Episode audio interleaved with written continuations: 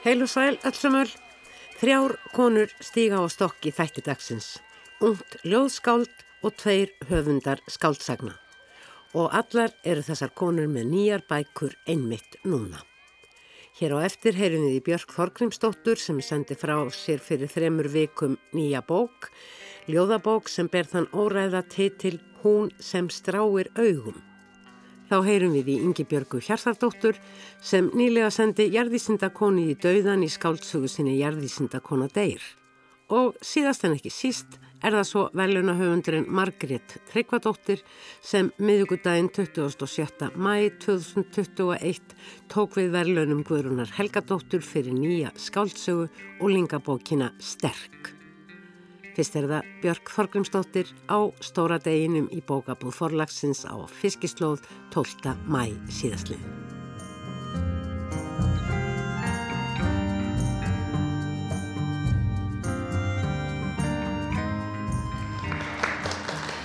Ég sett sko mig varalit, ég veit ekki hvort hann er komin út um allt núna, ég glemdi þessu dæmi. En allavega, hérna, já, bara takk fyrir að koma, hérna, Eh, hún sem stráir augum, þetta búið svolítið langt, langt ferðalag sko, þessi bók, svona langur aðdraðandi, en hún er loksins komin út. Og ég held að sé bara með, það, það er eitthvað svona flæði, það á allt sinn tíma. Og ég held að það sé bara eins með þessa bók, þetta er svona, hún bara koma rétt um tíma. Og allavega svona fyrir mig, af því að þú veist, maður verður geta, geta staðið með orðunum sko. Og ég mæli ekki með að fara í tungumála heimsbyggi uh, eh, fyrir ljóðskáld af því að ég, ég misti svolítið trú á tungumálið þegar ég læriði heimsbyggi og svo fór ég í reitlist og þá náði ég því aftur sagt, þessari trú og, og það var mér ótrúlega mikilvægt. Það var eitt, af helsta sem ég tók með mér úr reitlistinni og hérna Og já, ég ætla ekki að útskýra neitt bókinu sjálfa, hún er svona, það er bara leikur á tungumálinu og, og hérna, og það er erfitt að tala um ljóð, það er svolítið erfitt að tala um ljóðin sko. Þannig að ég hugsa að ég lesi þau bara frekar og hérna, já. Sjá. Fyrsta ljóði sem ég ætla að lesa heitir Saga líkama. Þjóðfánar blakta í óreiðu, undirgefnar skoðanir leika gvuði. Kraftaverkin okkar, samfélögin annara. Saga líkama er líi líkama og saga líkama er uppspunni fyririlda og saga líkama er ólimpíumót dývingamanna. Saga líkama snertir góma, svarar fingrum, fagnar blóði fer þýð niður hálsa, blandast munvatni framandi vara. Þótt saga líka maður sé óþörf í samhengi stjarnar. Skær blik þennjast út, við óskum okkur eins, draugum þagn að húni. Á filmu. Stelpunar sem hlupur hingi í gardinum öskrin statísk úr hálsinum sena. Hvernig viltu láta að drepa þig? Ein og ein rann niður hólinn í marglitum snjókala, skríkjandi eitthvað um bissur. Þá voru ekki símar sem leiðréttu til að breyta orðinu þú í tólkun. Við gerðum okkur sjálfar. Það sanna er minna en allt hitt. Við frusum í réttum stellingum Ein og ein vann og fagnaði, bjóð til nýjan döðdaga jafn óðum. Öskrin heyrðust á öllum svölum og uppgötun. Sásökin er annað og meira en litbriði. Við ætlum að lesa eitt í viðbót. Já. Og það heitir Horfinn. Ég horfi á gluggana verða nótt, horfi á húsveginn, postulínið sem enginn vil eiga verða nótt, horfi á skengin verða nótt, loppur, tær, rjóðar, kinnar verða nótt, horfi á þröskuldin, pínurnar, gleraugun verða nótt, steina, prjál, húðir verða nótt, horfi á bólina, börkin, lofið verða nótt, teið verða nótt, Magan, plastið og hófið verða nótt. Ég horfi á akkerinn, þungan, merkin verða nótt. Upprisuna verða nótt. Segluna nótt. Ég horfi á spádóma, spekla þig verða nótt. Stálin verða nótt. Maðkana, mæður og jarðir verða nótt. Tilkynningar verða nótt. Aðtúarsemdir, andvörp og kræsingar verða nótt. Ljósið og blíðuna verða nótt. Titrandi fingur og gólinn. Takk fyrir.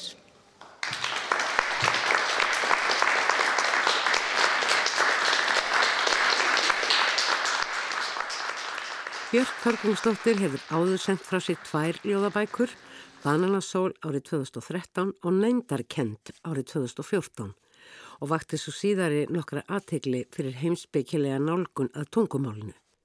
Hún sem stráir orðum er allt öðruvísi bók en tengir sig óneitanlega við Neindarkend. Ég náði tali af Björk í útgáfuhófinu á fiskislóð. Heyrðu, Björk Þorgrímsdóttir. Takk fyrir lesturinn. Já.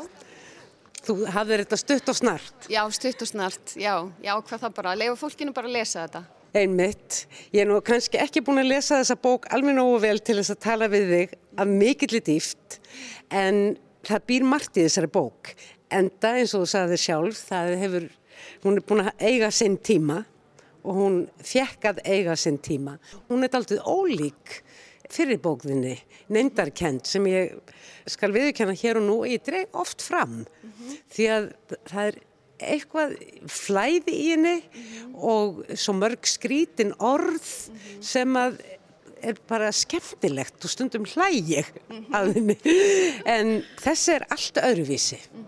Á meðan orðin voru eins og eins og þú værir að káfa á þeim, koma við þau, slíta þau sundur, setja þau saman á nýjanleik, þá er eins og þú hafir kannski fundið ákveðna sátt við orðin í þessari bók.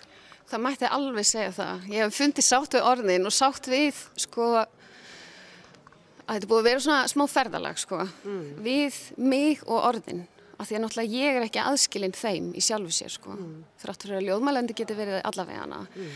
en það er eitthvað svona já það er eitthvað í þeim hinn var svona meira eins og ég var að reyna að finna út úr því en líka veist, það var ókslega mikið power það var líka hún fjallaði náttúrulega um aðra hluti mm.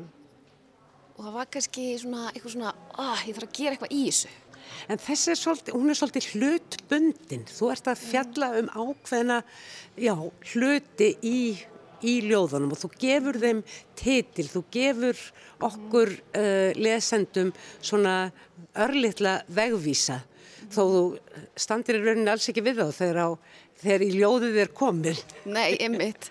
Og það er svolítið gaman að leifa bara fólki að, svolítið, að, hérna, að tólka og lesa í og ég er svona, já, ég vildi hafa titla samt með ljóðunum sko, en það er... Komu þeir síðast? Þeir komu, já, þeir komu, sumir sko, sumir komu setna, og, en aðrir fættust svona með titlunum sínum sko, mm. en hérna, þannig að það er kannski, já, getur alveg verið ósamverða mulli sko, mér finnst það svolítið gaman þegar fólk skilur ekki alveg, far ekki svona beinanskilning. Mm. Ég eiginlega rækt aldrei í kút þegar þú uh, byrjaði á því að lesa ljóðið Saga líkama mm -hmm. því að þegar ég las það hafði sko dreyið ringum um titilinn. Mm -hmm. Þetta ljóð skil ég ekki. Hvað er, hva, hvaða líkami er þetta? Er þetta lönd eða er þetta hugur? Hvað er Saga líkama? Þetta er stór spurning, ég veit ekki hvort ég vil svarni. Þú þarf þess ekki. Ég held ég vil ekki svarni, en sko, þú veist, líka mig getur verið allavegna. Það getur verið líka mig samfélagsins, líka mig, þú veist, líka mig hugar, líka mig, sko þessi held sem líka mig er, sko mm. líka mig er eitt orð, en líka mig getur samt að verið svo margt. Já. Fattar það mig, öll þessi líffari í líkamannum og hvernig hann fungerar, allt sem við setjum í líkamann eitthvað sem hreyfist eitthvað sem jafnvel, og eitthvað og sem breytist líka með er ekki óumbreytanlegur alls ekki og hann, veist, og hann segir okkur miklu miklu meira mm. heldur en við viljum við hlustum svo ofta á hugan mm. það er kannski eitt af þemanum í bókinni mm. og þú veist við erum svo mikið í er einhverju staðrindir og við vísum til þeirra, við vitum þetta og við vitum hitt. En hvað með okkur sem stöndum hérna? Mm. Veist, hvað með efnið og líkamann? Þessi bók, hún er dálítið persónuleg, hef ég á tilfinningunni. Það er ekki einhvern veginn ég í henni, en það er einhver saga, það er einhver fortíð og hún er konkrétt, hún er eitthvað sem að, sem að var, hún er ekki, ekki fantasía. Nei, það er alveg rétt skilið sko, af því að, og kannski með neindakent þá var ég meira í tungumálinu, tungumálinu sem slíku. Og það getur verið gaman, æfintilegt, gaman að leika saman það, en svo, sko, þú veist, er ég komin inn í tungumálinu núna sko og þetta, og þetta er svolítið þessi bók. Eins og ég sagði kannski upp á þú fann að treysta því að það geti e, ferjað eitthvað. Það geti ferjað eitthvað, algjörlega, það er alveg rétt sko. Og ég skrifaði um, um Wittgenstein í heimsbygginni mm.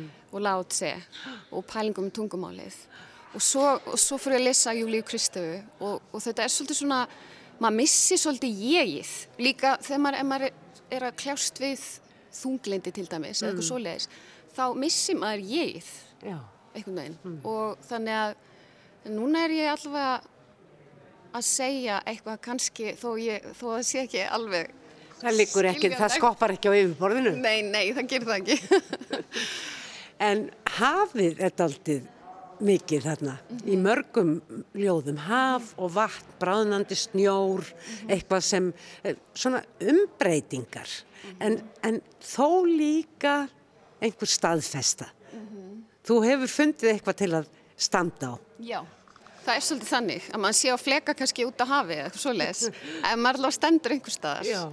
En það er, en hafi getur líka verið svona, það getur verið, sko það ferjar mann, mm. en það er náttúrulega tengi líka saman. Mm. Þannig að það er svona, og það er djúft, við vitum ekki alveg, ég menna, hefur einhver fanið út um allt í hafinu? Ég held ekki. Ég held Mér skilst að hafið sé meira að segja minni hluti hafdjúpana hefur verið rannsakaður heldur en geimsins. Nákvæmlega og við erum bara eitthvað að sigla á yfirborði hafsins eins og ekkert sé. Einmitt. Titill þessarar bókar, Já. hann er uh, svolítið sérstakur. Já. Hún sem stráir augum mm -hmm. og svo er stórt auga, þetta er fallið bók þó hún sé svört En svart er líka svona litur lendardómsins Já. og það, það er vel. Ég sá einhvern veginn fyrir mér sko uh, þetta, það sem að augað nefnur og stráur, stráur ekki bara sjálfur sér í kringum, kringum sig, heldur í rauninni tekur upp mm -hmm. allt sem það sér. Hún leggur augu allstaðar til þess að sapna í mm -hmm. ljóðin mm -hmm. eitthvað svo leiðis, ég veit það ekki Já. hvernig, var þetta bara setning sem kom til þín?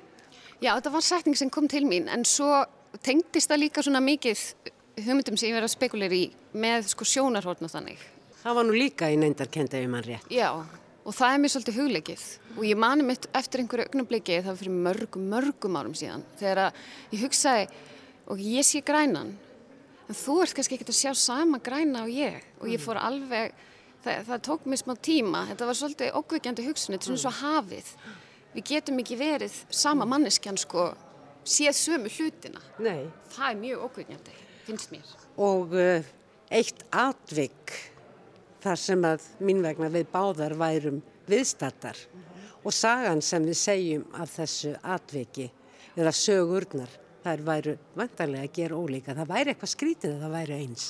Algjörlega, það væri eitthvað skrítið en, en svo, en langar þið ekki að sjá minn grænan eða þú veist, mér langar að sjá þinn grænan svolítið. Ég þrái það að sjá þinn grænan og það er þess vegna sem við lesum ljóð og það er þess vegna sem við lesum ekki síst ljóð sem að við einhvern veginn skiljum ekki en skiljum samt. Og ég held að sé eitthvað svona að það er eitthvað líkamlegt stundum sem að tilfinning sem ég fæ við lestur ljóða sem, talar, sem er að tala við eitthvað annað. Það er ekki að tala inn í skilningin inn í hausin, mm. það er einhvern veginn að tala inn í líkamann. Man, eftir setningu sem þú sagðir í viðtali að það væri líkamleg tilfinning sem þú getur treyst á hvena ljóðu væri tilbúið. Já, það er eiginlega svolítið þannig, þú veist, en það er eitthvað svona damm, þú veist, það smellur eitthvað. Já. En svo setja eitthvað í lið aftur sem er farið úr lið, svona klikk. Og þá er maður eitthvað, já, einmitt. Nú er þetta í lagi. Já, núna getur það farið að lappa og farið til lesendar sko, og, og verið þar. Og hún sem stráur augum er hér með lögð af stað. Björg Þorgrunsdóttir, hjartanlega til hamingju og takk fyrir. Takk kærlega.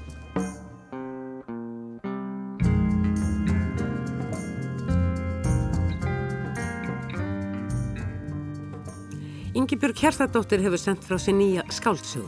Þá fyndu frá því hún í framhaldi af leikritaskrefum fyrir áhuga leikúsið hugleik til fjölda ára árið 2001 hófað skrifa skáldsögur. Í fyrri bókunum upp til Sigurhæða, þriðju bóninni, hlustaranum og fjallkonunni sem og í nýju bókinni eru konur aðalpersonur og sögusviðið oftast úti á landi, inn til Dala eða eins og hér í jarðvísindakona degir í litlu þorpi. Tókstreitan millir hins náttúrulega og hins manngerða sem á samspil fortíðar og samtíðar drýfur gerðnan atbyrðar á sinna í sögum Ingibergar. Jarðvísindakona degir er þar engin undantekning. Aðalpersonur eru reyndar fleiri og sömuleiðis sögurnar. Jarðvísindakona degir er allt í senn íslensk glæpa og örlegasaga, hamfarasaga og létt trilltur samtíma speil. Sögursviðið þorpið Selvík, einhver staðar á Reykjaneskaganum, herin hafði verið undirstaða atvinnulífs í þessum bæ en svo kvarf hann og látið að tók yfir. Í upphafi sögunar er uppsveiblað að byrja með stór áformum um byggingu kísilvers í erlendri eigu, en sem á eftir að koma heimamönnum til góða hvað atfinnu og almenna uppbyggingu varðar. Aðal personur sögunar eru bensku vinkonurnar Margret og Sigriður á samt eiginmönnum. Leiðir þeirra hafa reyndar skeilið þegar þær fóru hvori sína áttina. Sigriður satt í festum heima í Selvík þar til eiginmaðurinn tilvonandi kom aftur eftir heils árs siklingu sem ákvílir mikil lengd. Margret hinsugar fór á húsmæraskóla, án þess kannski að taka mikið með sér þaðan, annað en eiginmann úr mentaskólanum á sama stað. Hjónin fluttu síðan til Bandaríkjan og döldu þar lengi áður en þau sneru aftur til Selvíkur þar sem vinkonurna taka upp þráðin á ný. Hér fer fram fjölmörgum sögum, stóriðju sögunni því ekki eru allir á eitt sáttir, sakamálasögunni, umlát, jarðvísindakonunar að óglemdum fleiri en einni ástarsögu. Hver var kveikjan að þessu öllu saman, Ingi Björg Hjertadóttir? Sko kveikjana þessari bók er útvarsleikrið nokkri þættir sem um, voru fluttir í ríkisútvarpinu, Hátegisleikhúsinu 1997 og það voru tíu svona stuttir þættir og þá hétt verkið Vísindakonadeir. Og uh, ég nota þann kjarna og þær personur og þróa þær upp í skáldsögu og þegar þú segir að það séu margar sögur í þessu þá er það kannski leifar frá þessum sjálfstæði þáttum það hver þáttur sem tókum korter í flutningi þurfti að hafa upphaf og endi þannig að bóking kannski ber þess merki mm. Ég man nú ekki eftir þessu útvarsleikriti nákvæmlega en var það þessi staðsetning þetta er augljóslega Reykjanes skæin þessi staðsetning var mm. upp, upphalega fyrir eh, nærið því 30 árum þá var verið að byggja álver allstaðar og að byggja svona stóriðjur jável á ofan á sprungum mm. sem vísindamenn við sögum það það sem eiginlega þessi bókfjallar um að stórum hluta er um, það að það þarf að fá svona alls konar mött umhverjusmött og þar með jarðskjáltamatt og, og svo er það bara hvernig er það tólkað eftir að vísindamennir gera sína vinnu þá er, er í sjálfsvegar hægt að fara með niðurstöðana allavega. Fyrir hvern gera þeir þetta? Þannig að það má kannski segja ég sé aðeins að hrópla við því Þú átt náttúrulega ekki langt að uh, sækja uh, upplýsingar og, og hugleðingar um þetta. Þú lifur jú dagstælega með jarfræðingi og þú tilengar bókina eigin manniðinum Ragnarður Stefánsinni kendum við skjálta. Þurftur ofta að spyrja hann út í hlutina? Þú ert þarna með svolítið sérstakt uh, jarðfræði fyrirbæri, nanoplötu. Jú, ég var fyrir áhrifum kannski frá starfi hans að því ég fór oft með honum í, í svona á vettvangin.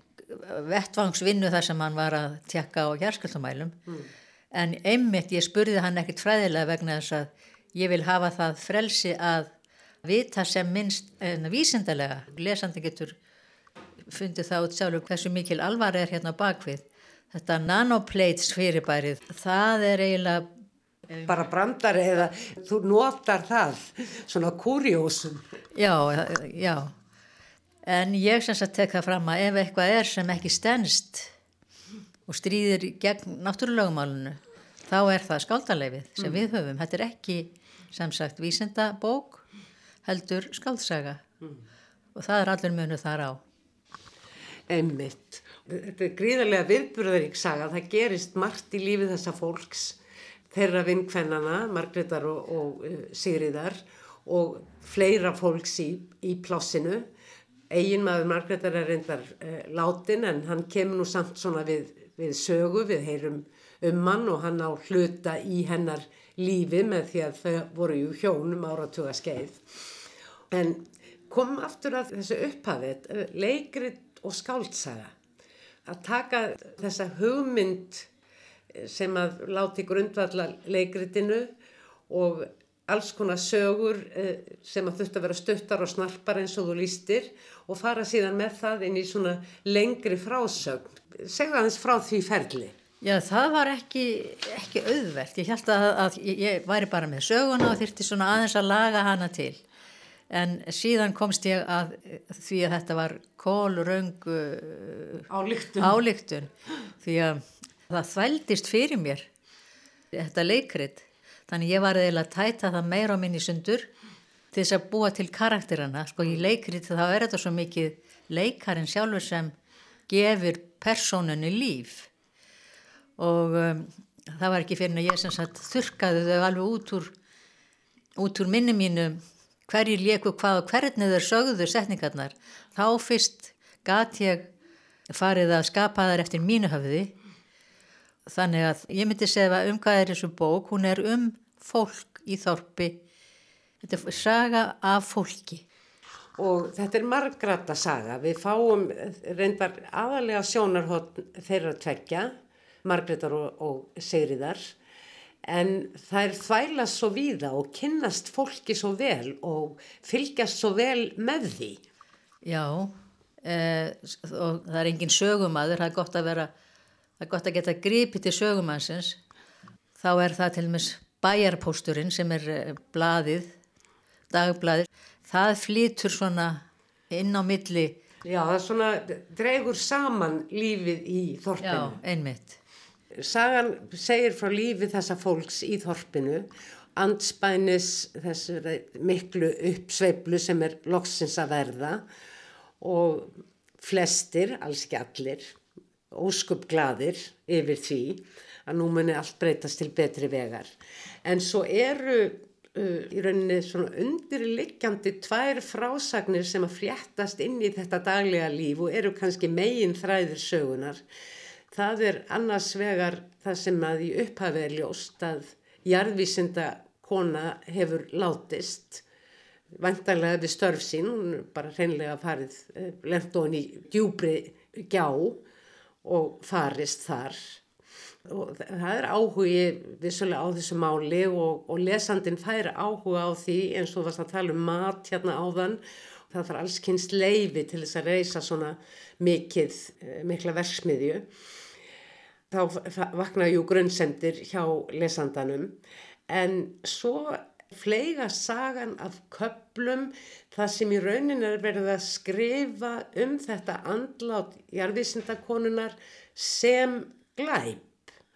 Og eh, fyrir þessum köplum er skrifuð stjarnasteins og eh, ég talaði um eh, létt trilltan samtímaspeil allt í sambandi við stjörnusteins minnir jú á eina mestur ágáttu í, í íslensku bókmyndalífi hver er Stella Blómqvist Það jú, það er sem sagt það er bók að skrifast inn í þessari sögu og svo bók heitir Jarvísindakona deyr þar sem uh, þessi dölafulli, óþekti og ónemdi höfundur þetta er sem sagt uh, fertugasta bókans og hann er að komast, reyna að komast að því hvort um glæp eða slís hafi verið um að ræða.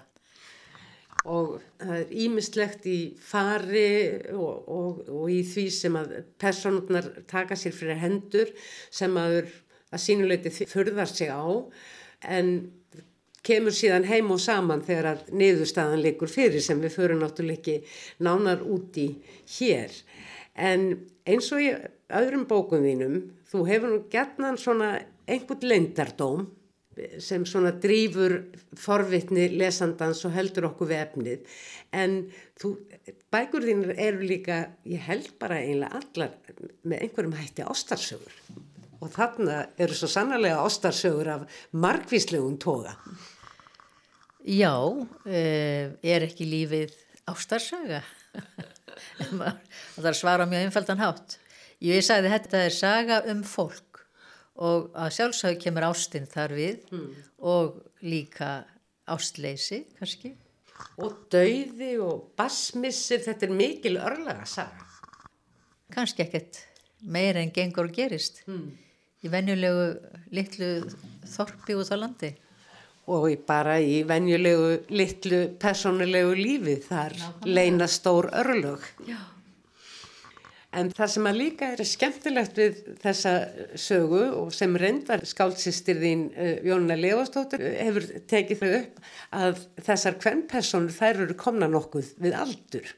Ég er náttúrulega uh, vísa til Birkimelsfrúarinnar hjá Jóninu sem er komin á eftir laun og þetta eru konur sem eru svona nálagt því aldrei Sigriður og Margrét. Já, ég veit nú ekki hvernig á því stendur en þegar maður hugsa um það þá eru þessar aðalpersonur eru konur og eru á mjög svipum aldrei og ég sjálf þegar ég skrifa þær. Það er gætnaðan þannig hjá þér í bókunuðinu? Ekki svona meðvitað þar verða einhvern veginn svona samtíma personur við, við sjálf með því þetta er yfir það sem gerist í núinu. Eða ekki að heyra aðeins í bókinni sjálfri og grýpa þá einmitt niður í þennan þátt bókarinnar.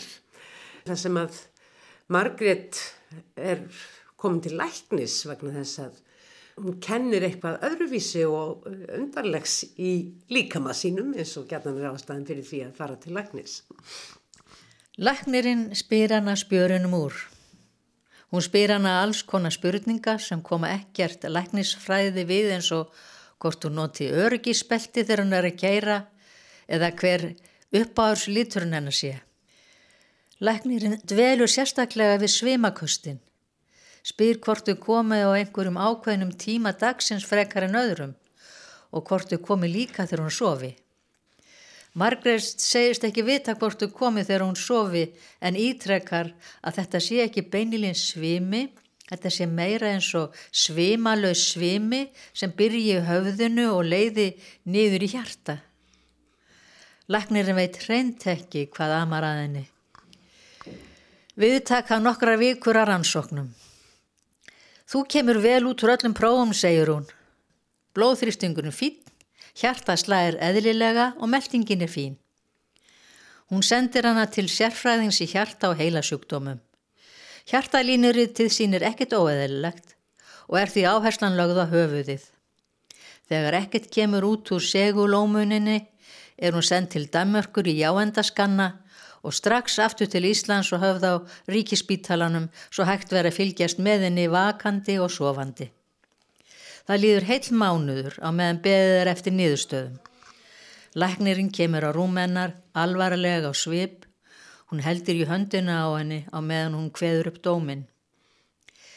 Eftir að hafa fengið útkomu með samanburðar útrekningum frá taugasérfræðingi og taugarafmasfræðingi er hægt að sjá fylgni með köstunum og ákveðnum kringumstæðum sem þú ert í og því er frekar um ástand að ræða en sjúkdóm.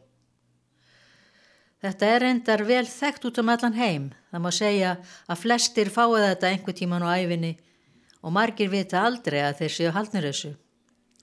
Síðan segir hún lágum rómi, kæra Margret, þú ert ástfangin. Já, það gerist ímislegt. Þú segir í upphafi bókarinnar að uh, þarna séu á ferðinni persónu sem að flestum hafa verið bóðið að vera með en þó eru nokkrar bóðflegnu sem eru þessi valdandan sagan fór eins og hún fór. Getur nefnt einhverja, er ástvaldur til dæmis eh, einn slík persóna? Já, það má segja að ástvaldur sé eina af þessum bóðflennum. Kanski Kanski er það vegna þess að þær voru ekki personur í, í leikritinu, heldur komið þær að. Já, hann er kannski fóringi báðflennana. Mm. Hann kemur og veldur ákveðnum usla, leys, verður, þess, verður til þess ákveðin mál leysast eða settlast, en svo hverfur hann einfallega á braut, hverfur hann einfallega úr sögunni. Já, það er bara hans, hans uh, hann var gerður, hann var skapað til þess mm. að lækna viss sár, kannski var hann ekki til, kannski var hann hugabörður. En það gerist óheirilega margt í þessari bók, það er margir stórviðbörðir. Það eru sprengingar og brunni og, og, og mannskvörf og, og basslát og ég veit ekki hvað og ekki hvað það verið gaman að því að fara svona hamþörum. Ég hafði mjög gaman að skrifa svo bók og uh, eiginlega er þetta svo bók sem ég svona uh, skemmti mig mest að skrifa og hvort það fari komið niður á, á sögunni almennt eða ekki veit, veit ég ekki, ég mm. bara vonaði að, að, að einhverju skemmtir sér eins vel og ég. Jú, þetta er eh, ljómandi skemmtilegt, þetta er létt saga þó hún eh, fjalli um svona, já, stóra hluti í rauninni. Já, þetta er létt saga en með eh, svona alvarlegu tragísku ívafi, tragísku ívafi sem að noti nú klísjurnar. Klísjurnar eru jú nöðsynlegar í, í bókmyndunum, það er það sem að við les, er, er flekin sem við lesendur seglum á ekki satt það er gaman og nefndir það á nafn því að þetta er kannski líka bók á mjög léttum nótum um þessa miklu jarfræðilegu kenningu sem kallast flekakenningin. Það má yfirfæra hana kannski yfir á söguna. Fólk rekur líkt og jarðskorpan hvert frá öðru og til hvers annars. Já, til hvers annars og þá, þá getur farið að skjálfa á milli Já. manna og hvenna. Og hvenna. Kæra þakkir Ingebjörg Hjertadóttir. Takk fyrir mig.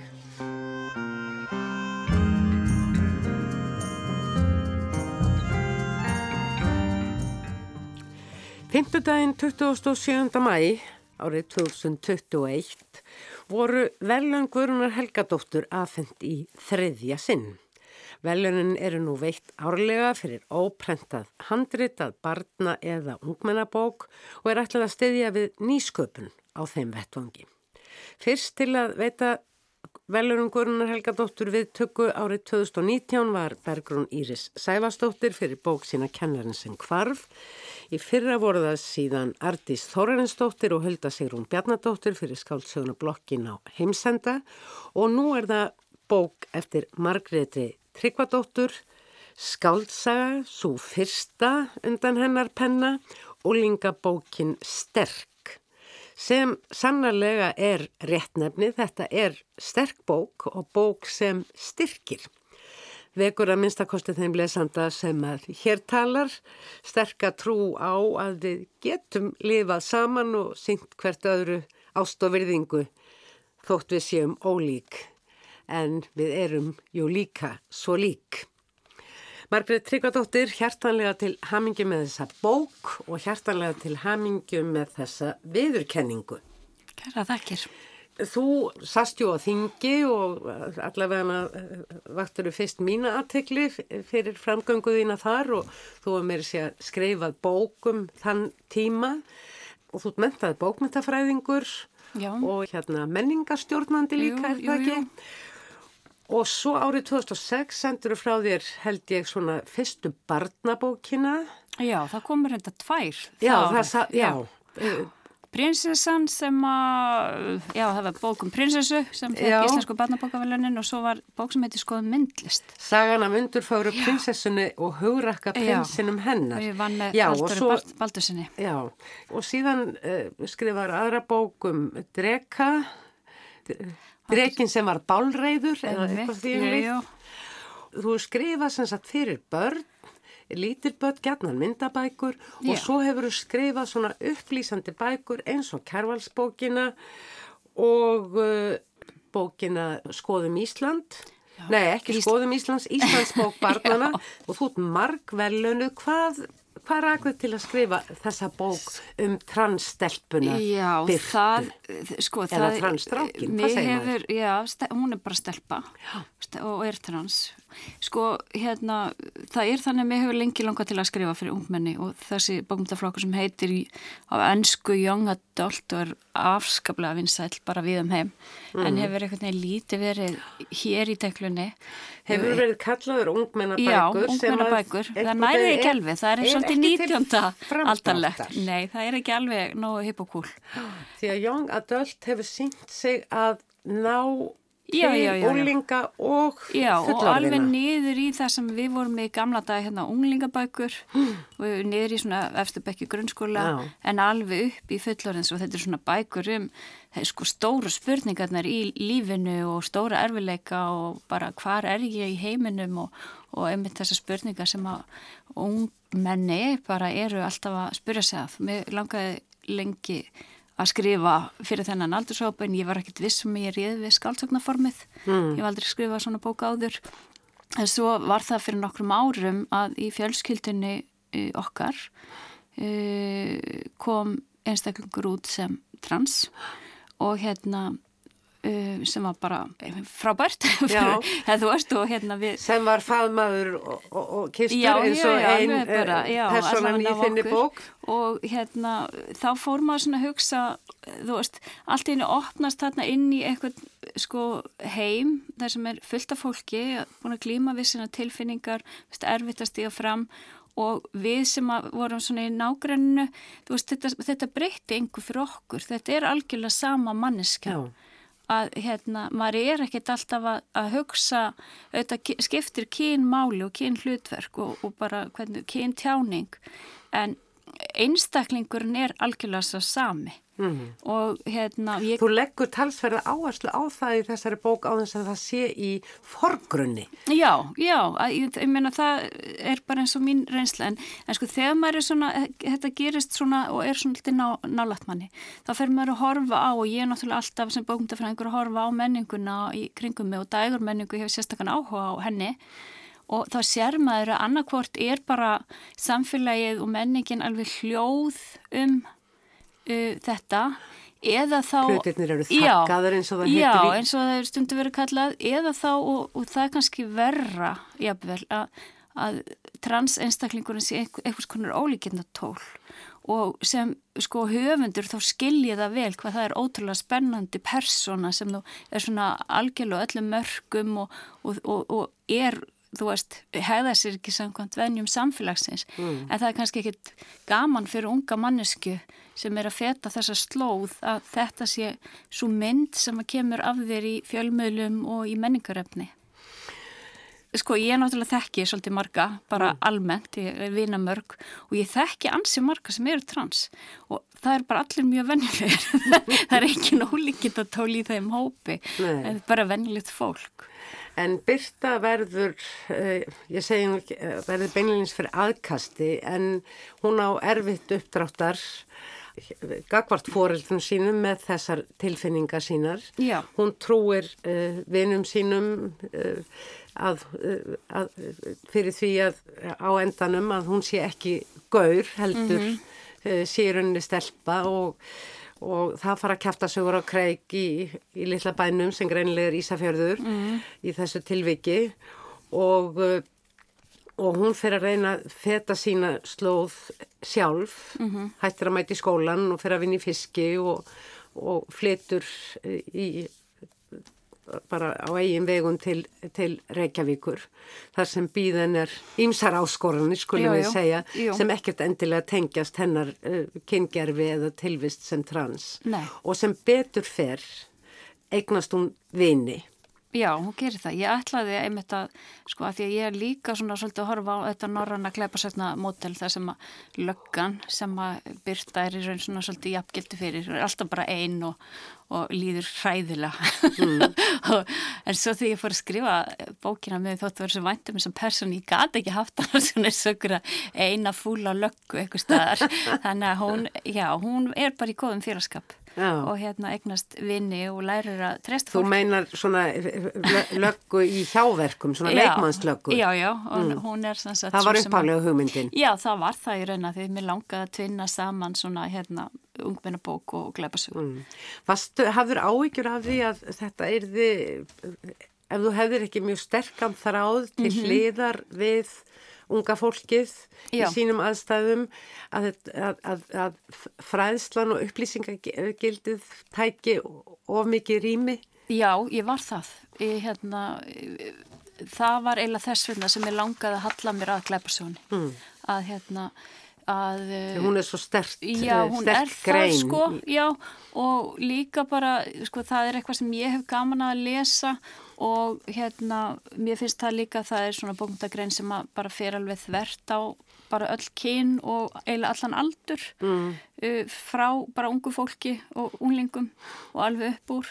Þannig að mér fannst það svona svo kannski svolítið sniðugur rammi til þess að fara í, en svo var ég alveg ótrúlega lengi að koma mér niður á glæpin. Sakamáli. Já, og var í raun komin mjög langt með þessa bók áður en að það er svona leistist úr þessum glæp sko. og mér langaði hérna, ja, það var, eða ég datni sem sagt, fyrsta hugmyndir mér langaði að skrifa um mannsalsmál og þetta er það mm. og hérna svo fannst mér það kannski svolítið mikið sko að vera bæði með þann hérna pakka og svona hérna transpakkan. En hérna þannig ég, ég svona mátaði í mis glæpamál, þekkt og óþekkt og, og ímynduð og raunveruleg. En þetta varð ofan á, mér fannst þetta einhvern veginn gangu upp þarna. Mm. Já, ég held að sé óhætt að segja það. Byrta eiginlega sko alveg óvart flækist Já, inn í þetta. Og uh, í þessari kjallarahólu sem hún hefur uh, fengið, þar sem hún hefur fengið leikt herbergi. Og þar búa ýmsir og þar eru engin formlegheit, hún þarf ekki að skrifa undir neitt, hún þarf ekki að undirrita með nafninu son eða dótt, Já, já, dóttir og, og, er, og þess vegna grýpur hún þetta fegins hendi, þetta er allt mjög lógist. Já, þú ert er mjög líka- lógisk í, þegar þú, ert, þú passar upp á svona já, hluti. Já, já, en það er líka sko þetta bara með, hún fer inn á jaðarinn í borginni. Og af því að hún er hérna, kemur hérna svolítið titrandi og, og brend og hann er langar svona að ná utanum sína tilveru áður en hún rýs upp sko eins og Phoenix eða hvað sem er sko. Já, hún er Og að býða eftir að komast í uh, Já, breytingaferli já, já, hún sem hún getur ekki gert fyrir en 18 ára án þess að hafa samþekki fóreldrarnum. Fóreldrarnir, þeir viðkenna Já, ekki já, þetta.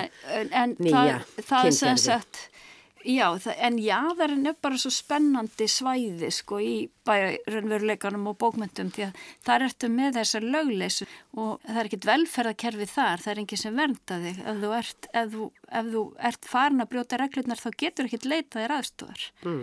og hérna, það er það sem hún svona leiðist út í og þess vegna stendur hún svolítið einu í þessu. En eins og ég sagði, hún á vini Já, og það eru mjög skemmtilegar stelpur, annars vegar blær sem hún er búin að kynnast að ég held í gegnum netið eitthvað fínlíkt áður jú. en hún kemur til Reykjavíkur. Og hún er svona í sömu sporum og byrta sjálf en allt annu típa. Allt henni típa með, með samt svipaðan bakgrunn samt hún Já, er líka sveitastelpa. nákvæmlega. Það er hérna, dýra ástina sameiginlega til já, dæmis. Já, og en þær eru, eru bara báðar í, Reykjavík vegna náms. Mm. Þannig ég þurfti að uppfinna líka námskreina sem var í hvergi kentar annars þar.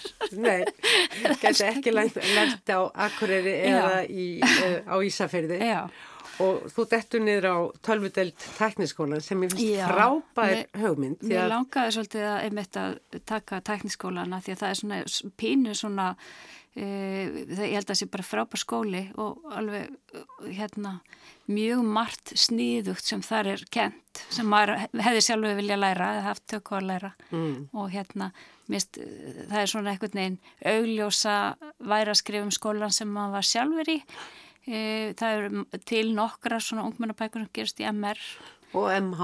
og já, og MH og ég var sjálf við Vestló en hérna, en mér langaði ekki að skrifa um það, mér langaði einhvern veginn að staðsetja þetta eitthvað staðar annar staðar, það sem að En það er svona meiri kannski realismi líka. já, en þú hefur vantanlega þurft að eh, eh, leggja stund á margvíslega heimildavinnu, ekki bara í sambandi við transfólk og í sambandi við mannsalsmál og skólan heldur líka bara eh, í sambandi við eh, eins og tungumál. Mér fannst mjög merkilegt hvernig þú læðir að, þú gerir, þetta er svona aðferð hjá þér, að ein af stúlkunum sem býr í kjallaranum hjá Byrtu og sem hún getur ekki talað við og Byrta sem nefnandi tölvudels náttúrulega eh, reynir að leita að þýðingaforriti og finnur út að e, í því landi sem að stúlkan kemur frá, sem er Eritrea, að þar er talað tungumálið Tigrinía mm. e,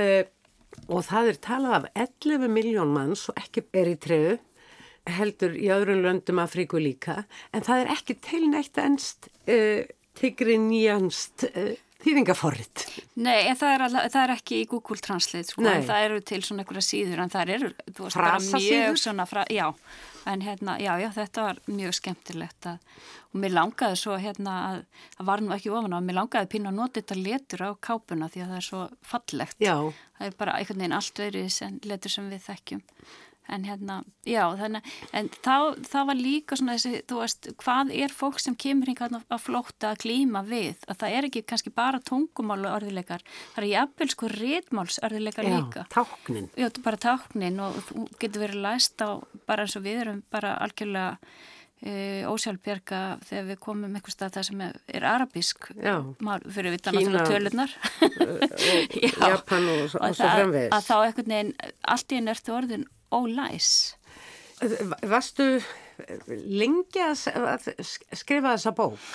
um, Mér finnst þið takast vel að, að flétta öllum þessum þráðum saman. Þú gefur þeim rými, gefur náminu rými og eh, þeirra eh, hérna vinkvennina já. Jóhannu uh, og, og, og, og dvölin í kjallaranum og kynnin við fólki þar, Mhm. samskiptin við lögregluna og allt þetta mál. Þú byrjar bókina reyndar á mjög uh, hérna myrkum kabla. Þar er manneskja sem að uh, við veitum bara er stúlka því að hún gerir þetta og gerir hitt sem að kemst það raunum að hún er bara föst inn í bólgin og blá og, og, og hefur greinilega lemt í einhverjum miklum átökum og er núna stödd inn í einhverjum stórum kassa sem hún kemst ekki út úr. já, Og þetta er, yfirskriftan af þessum kabla er 1. februar og síðan hefjum, hefst sagan á, á 7. janúar eða eitthvað já, fyrirlíkt. já, þetta gerist svona Og síðan raun í les lokin. maður og er sko brennir í skinninu allan tíman. Býtu hvað, hver er þetta í kassanum? Maður er reyndar alveg vissum það en, en svo er ekkert vist að það sé endilega rétt. giskaður er rétt Nei, ég gerði það ekki. og, og, og maður er alltaf að býða eftir og það er ekki fyrir en alveg undir lók bókarinnar að, já, þetta er eiginlega svona næst síðasti dagurinn hérna, sem að eru svona auðvitað mest að spenna sem að einhver er í kassanum Já. hérna, ertu búin að fá viðbröð á þessa bók? Sko, já, það er náttúrulega ekki margir búin að lesa og líka Nei. þetta, maður þurft að fara En með lest þetta. ekki, þú er látið Jú, vantalega að ég lesa les- hana, minnir þú ég- að segja já. það í eftirmála Ég bókarinnar. let hérna, ég, ég bað hana Uglu Stefani um að lesa og hérna, þá var hún, ég reynd að búin að senda hana til domnumdarinnar. Mm.